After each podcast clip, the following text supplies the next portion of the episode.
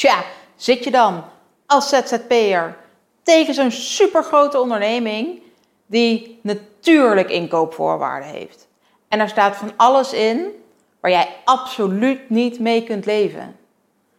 Toch maar accepteren dan, hè? zit natuurlijk niks anders op. Ik heb nog wel een klein trucje voor je. Charlotte, de social media jurist van Nederland. Algemene voorwaarden. Natuurlijk heb je ze zelf ook. Maar soms komt er een fantastisch grote klus voorbij van een supergrote onderneming.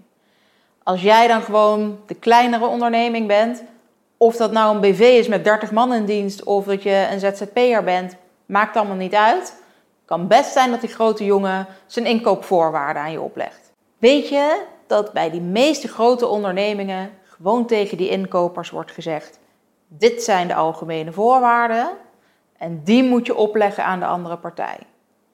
De helft van die inkopers heeft geen flauw idee wat er eigenlijk in die voorwaarden staat. Ze weten alleen maar dat ze die moeten toepassen. En dat die geldig moeten zijn en dat dat overal moet staan. Nou, kan. Jij en ik kunnen daar gewoon mee werken.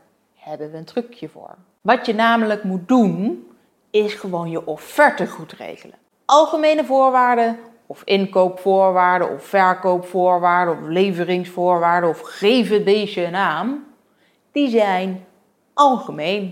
De wet heeft het specifiek over algemene voorwaarden.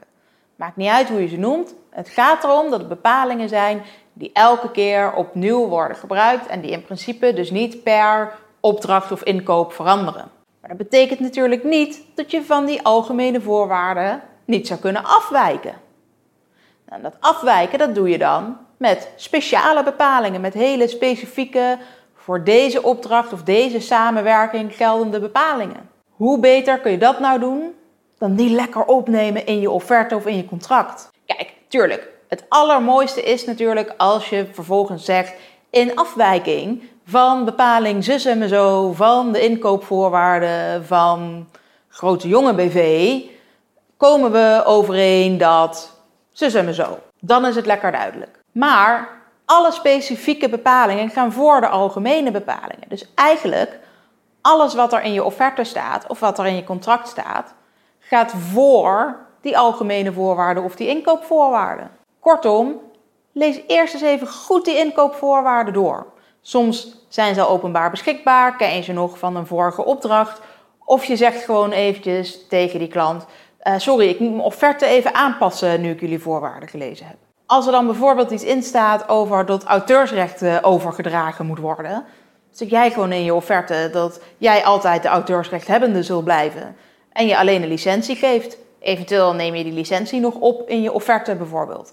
Zodat het wel zo dicht mogelijk in de buurt komt van hoe jouw opdrachtgever het wil gebruiken, maar dat het toch geen overdracht van auteursrecht hoeft te zijn. Zo kun je dat met allerlei bepalingen doen die je niet prettig vindt. Staat bijvoorbeeld in jouw offerte dat jij een betalingstermijn van 14 dagen hanteert en staat in de inkoopvoorwaarden dat zij een betalingstermijn van 30 dagen hebben. Maar hebben ze niks gezegd over jouw betalingstermijn van 14 dagen, dan geldt die van jou. Want jouw offerte is belangrijker dan die voorwaarden. Nou jongens, als dit toch nog geen handige tip is om toch met die grote jongens om te kunnen gaan en niet te veel gedoe te hebben met die algemene voorwaarden van ze.